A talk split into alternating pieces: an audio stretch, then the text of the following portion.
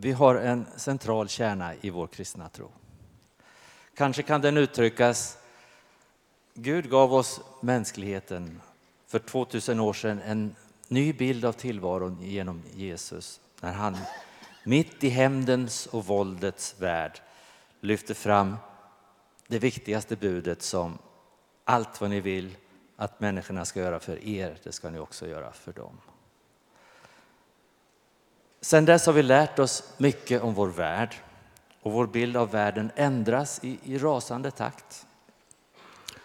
Och även om vår tros kärna är oförändrad så har också det vi kallar teologi ständigt ändrats när vi lärt oss mer om hur saker fungerar och när vi gjort nya historiska erfarenheter. De tidiga kristna fick till exempel smälta samman Jesu försoningsbudskap med de romerska och grekiska tankevärldarna. Och medeltidens kristna de fick bygga en ny civilisation på ruinerna efter romarriket och efter århundraden av migration. Och den vetenskapliga revolutionen har ju eh, påverkat vår teologi i 400 år. Och nu tror jag att klimatfrågan blir en minst lika stor utmaning. Samtidigt som klimatfrågan utmanar det moderna samhällets framstegs och utvecklingstro. Var finns nu den sammanhållande berättelsen om vart vi människor är på väg? Och vårt kristna bidrag till den. Jag fick av Jakob, vår pastor, utmaningen att ställa tre frågor till honom som teolog. Men när han nu blivit sjuk så blir det du, Magnus, min gamle vapendragare, som istället får reagera på mina funderingar i dagens gudstjänst. Mycket av tankarna har jag fått sedan jag läst en och en halv bok eh, av en amerikansk katolsk präst och religionshistoriker som heter Thomas Berry.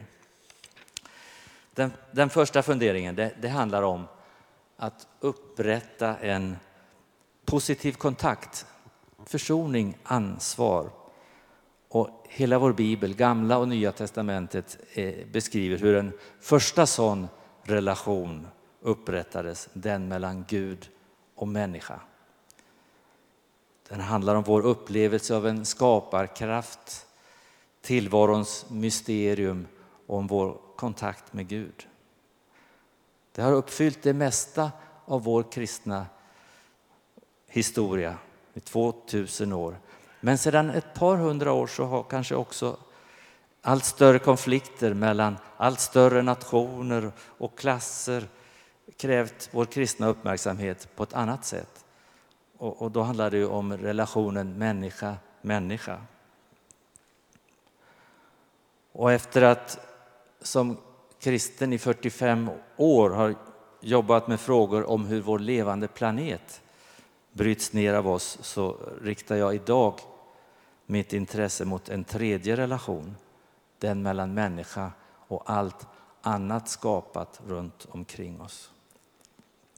Och då blir en rad frågor spännande. Till exempel, vilken roll kan vår tro spela för att bygga upp den här positiva kontakten, försoningen, ansvaret med skapelsen? Är det kanske bara religiösa krafter som kan beröra människor så djupt som det behövs? Så långvarigt som det behövs i en klimatkris?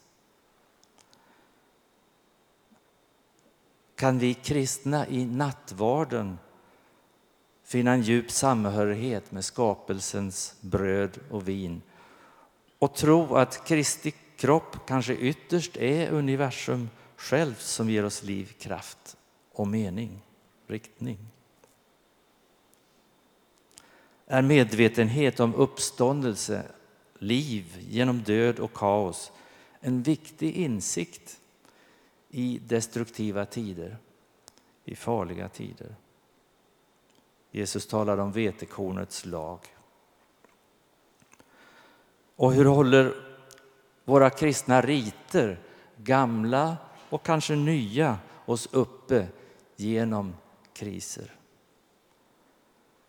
Kanske måste vi sent om sidor skaffa oss en ekoteologi, en ekologisk teologi.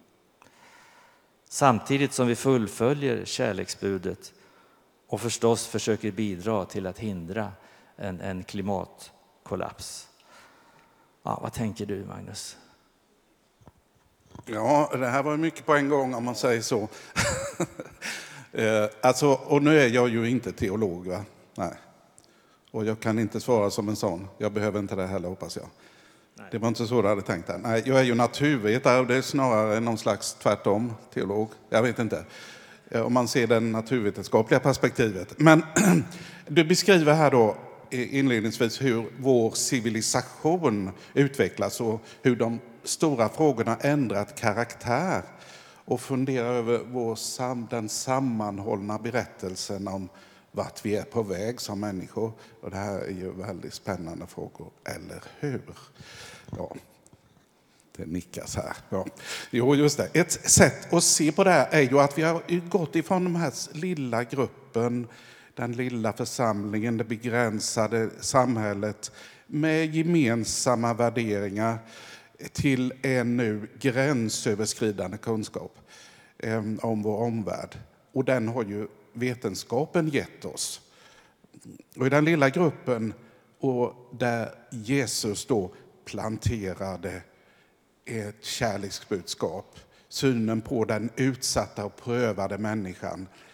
Ehm, och i och med att kristendomen omfattades av allt fler så spred sig detta kärleksbudskap. Men på något sätt har ju då Jesu perspektiv om att värna det utsatta och hotats, hotade tappats bort till förmån för den möjligheten som naturvetenskapen har öppnat upp att utnyttja istället, utnyttja hela skapelsen inklusive människor. Ehm, eh, och den kunskapen har ju då vetenskapen gett oss. Det måste vi ju säga. Eh, den nya tekniken som har gett oss möjlighet att effektivt utnyttja naturens resurser och ta för sig av sånt som finns inte bara i närområdet utan också utanför den egna gruppen. Eh, och kontrollen av naturresurser. Eh, I stor utsträckning kan vi säga att det ligger bakom den globala kris vi har idag med migration och människors utsatthet och eh, påverkan på vårt klot som nu blivit global. Och först nu så har insikten kommit ehm, med hjälp också den av vetenskapen att nu hotar vår påverkan hela vår jord och vår egen existens därmed. Och, och, vi har ju faktiskt varit och är teknikoptimister. Vi litar på att ja, tekniken löser, vi kan säkert hitta någon lösning på våra problem. Men vi tappar bort, tror jag, ofta det faktum att vetenskapen kan inte svara på alla frågor. Kan inte fylla mänskliga behov heller för den delen. Eh, för att vetenskapen kan aldrig ge oss moral och mål och mening med livet. Ehm, och det måste vi ju ha för att kunna fungera som människor. Och här kommer, som jag ser det, det som det kristna bidraget som du sa, var kommer det in? Det, det tycker jag, för mig är det väldigt tydligt eh, att svaret på de stora livsfrågorna och utrusta oss med ett förhållningssätt också då till vår omgivning. Rättvisa och ansvar som vi ofta använder. Eh, som grundar sig då på det kristna kärleksbudskapet. Och vi känner ju en gemenskap med det skapade, inklusive alla människor. Det tror jag ligger djupt rotat i, i mänsklighetens natur. Och, och kanske då i vetenskaplig mening förknippat med vår mentala kapacitet, med hjärnans eh, konstruktion och funktion. Ehm, och det ger oss naturligtvis möjligheter, men också problem då. För att vi kan åstadkomma ganska mycket med hjälp av vetenskapen. Vi kan analysera, vi kan beskriva samband, men vi kan också skapa förstörelse. Um, vad finns, vad finns det för, vad, är, vad går vetenskapens gräns och vad, är, vad finns Gud i sammanhanget? Um, vi har ju oftast sagt att Gud finns någonstans utanför det kända Eh, och vid vetenskapens gräns. Och när vetenskapen blir större och utvecklas och vår kunskap blir större, allt ifrån vårt solsystem och sen flyttas ut i universum, så har Gud fått åka med där så att säga ut i universum och har nu bleknat någonstans borta i fjärran utifrån det naturvetenskapliga perspektivet. Och även i det liksom innersta så tränger vi längre in och får en större kunskap. Ehm, så mål och mening eh, kan inte vetenskapen ge oss. Det måste vi, det måste vi hitta i en tro, i en, i en religion eller livsåskådning. Och riterna tror jag också har stor betydelse i det sammanhang som du nämnde. Ehm, och jag tror att vi alla har sådana upplevelser av helighet som vi inte kan förklara med att, eh, i, i, i tekniska termer, så att säga. Eh, och, och, för att föra tillbaka det till, till det, när, alltså vi pratar om det liksom början här med Jesu, Jesu liv och det som kärleksbudskapet då som, som ligger till grund för att vi sitter här idag. Ehm, det, för mig så, så var det en oerhört stark upplevelse att en gång stå ensam i födelsekyrkan. Eh, det var alldeles tyst. Eh, och ehm, redan 300 år efter Jesu födelse så pekade människor ut att här föddes Jesus. Ehm, och i, i, i ett par tusen år så har vi nu med symboler som ljus och sång och rökelse funnit ett sammanhang då med det heliga eh, i den platsen. Och eh, på något sätt så var för mig den en upplevelse av, som var bortom det materiella, bortom tid och rum, som var väldigt stark. Och jag tror att vi kan hitta sådana, vi har sådana upplevelser i till exempel det sammanhang som vi är nu, eh, som på något sätt är över, bortom jordiska. Jag tror de är viktiga för att eh, skapa relationen med, med eh, mål och mening i livet. Äh, det blev lite långt Per. Vad tänkte du mer? ja, då har jag en, en, en, eh, andra fundering som hänger ihop med hur vår värld utvecklas och vår tro. Vi har ju fått det handlar om det här med att världen har blivit mindre. Globaliseringen pratar vi om.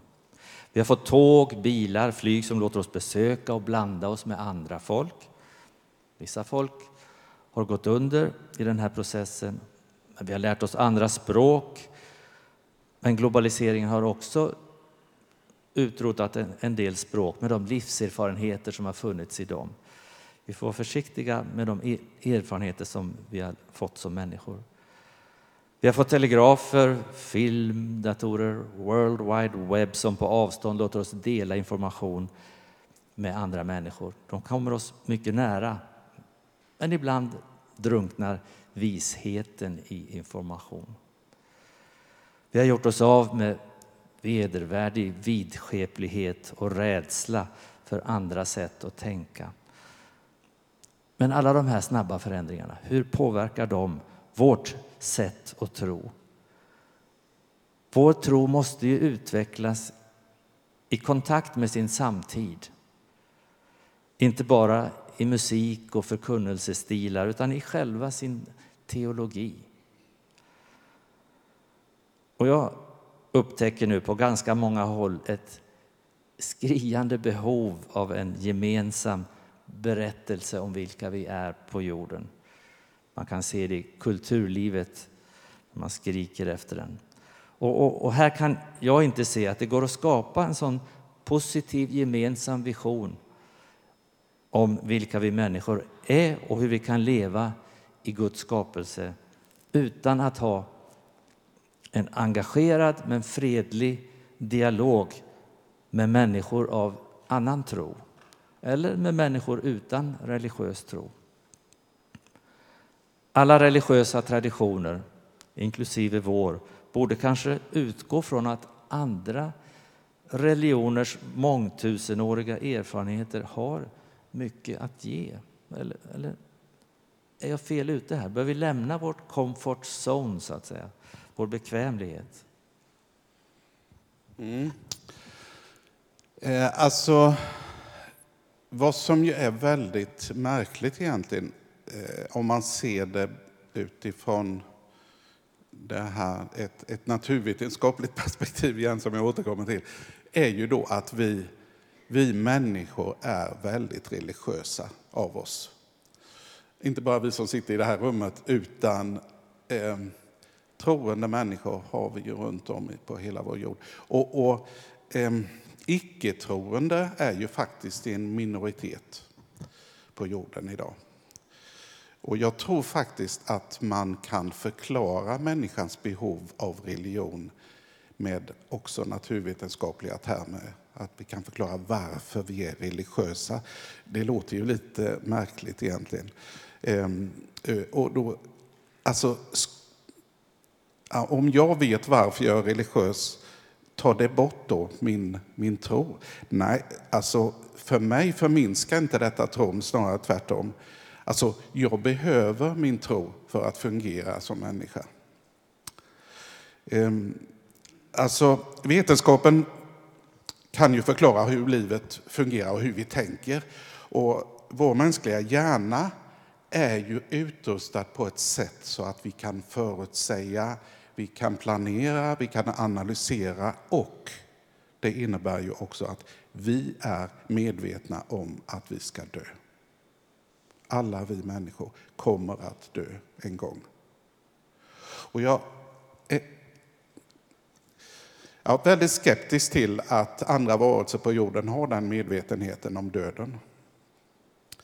Vi vet att vissa ja, elefanter drar sig undan och sådär när de är sjuka. Men att de är medvetna om döden är, är ytterligt tveksamt. Ehm, och ehm, det får vi liksom på köpet så att säga med vår hjärnas kapacitet. Eh, och det här är ju människans stora problem helt enkelt, döden.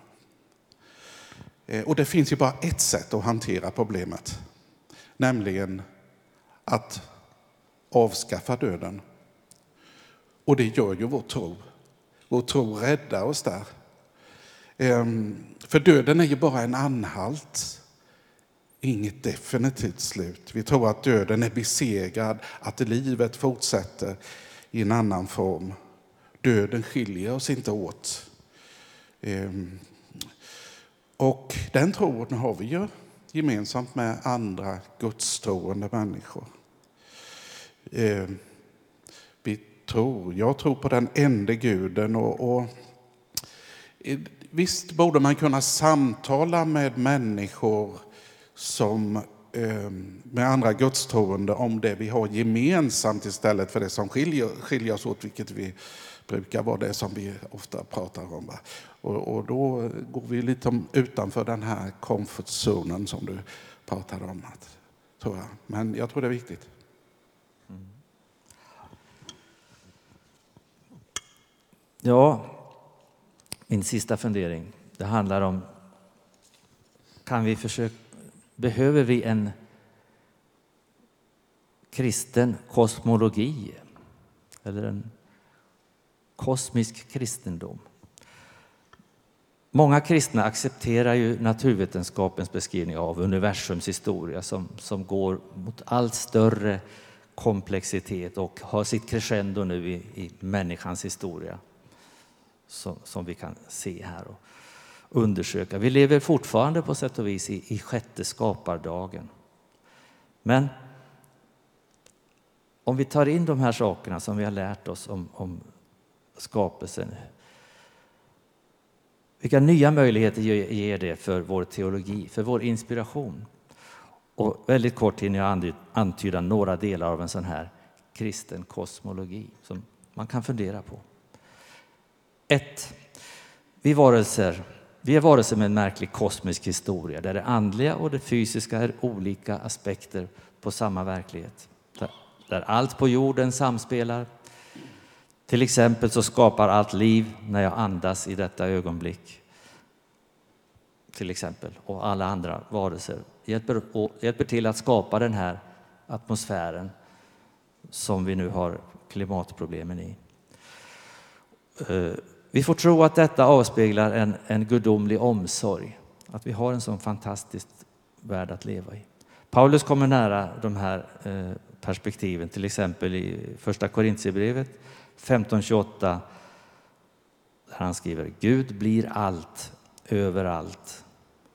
Och i Romarbrevet 20 Ty allt sedan världens skapelse har hans osynliga egenskaper, hans eviga makt och gudomlighet kunnat uppfattas i hans verk och varit synliga. 2.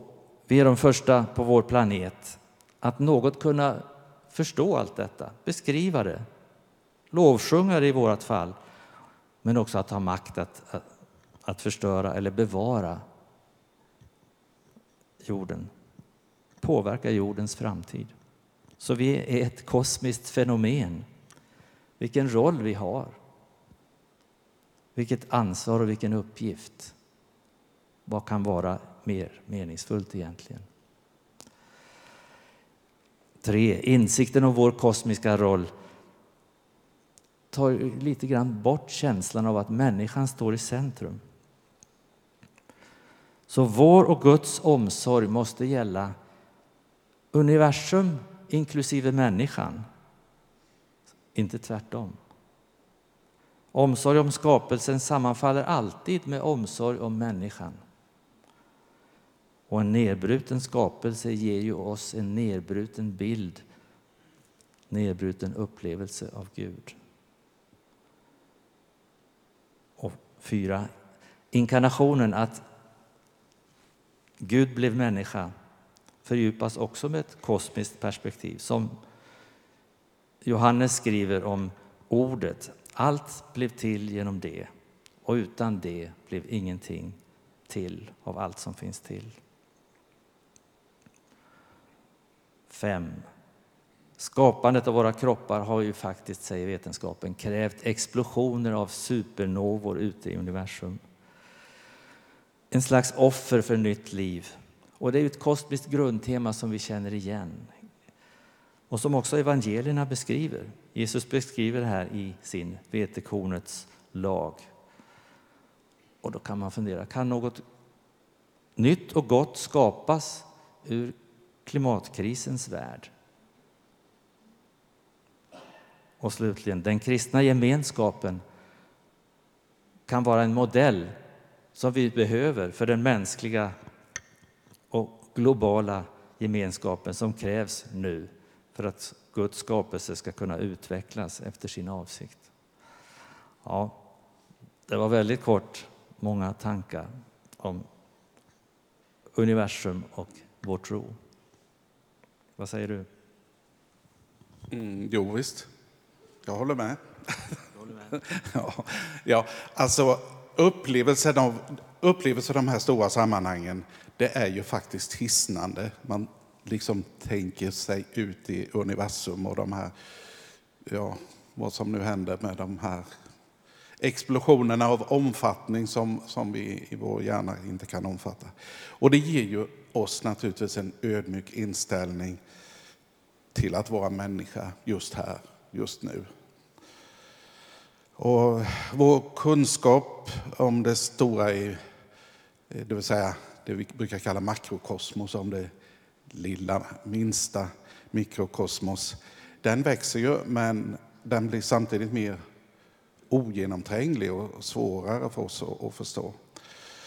Ehm, men eh, för mig så flyttas inte Gud, och som jag sa tidigare, till vetenskapens gräns, vetandets gräns, utan är istället den som förankrar mig här i kosmos. Även om jag inte känner till hela kosmos hemligheter så får jag vara en del av detta. Och det är ju stort att allting finns till för att vi ska finnas till. Ehm, och du inledde med Jesu försoningsbudskap. Och det här tror jag, jag tror vi måste hitta tillbaks till detta som är grunden för vår tro eh, och som förvandlade synen på de första kristna. Alltså den här blicken som de fick då med fokus och engagemang för det utsatta som Jesus pekar på väldigt tydligt. De mest utsatta, det förbisedda och det hotade. Och det här måste vi ta till oss, tror jag. Eh, alltså vi har ju en så tydlig vägvisare i detta. I det budskap Jesus predikade. Och den, med den vägvisaren kan vi gå också vidare och hantera den globala kris som ju faktiskt drabbat oss nu på flera olika sätt. Eh, både det hotade klimatet och, och, och konsekvenser av detta och de utsatta den utsatta människan. Ehm, så där tror jag vi bör återvända, fokusera på Jesu kärleksbudskap. Då vill vi sluta med att be med några rader av Gunnar Edman. Tack Fader vår som vill att jag ska finnas till. Jag andas dag och natt med tilliten till detta att. Jag finns i tid och rum som evangelium. Förvandlad till ett nu, mitt jag, mitt livs eviga du. Ej ägare, ej ägd, i ingen vågskål vägd är denna kärlek som allmoderlig i världen kom. Amen.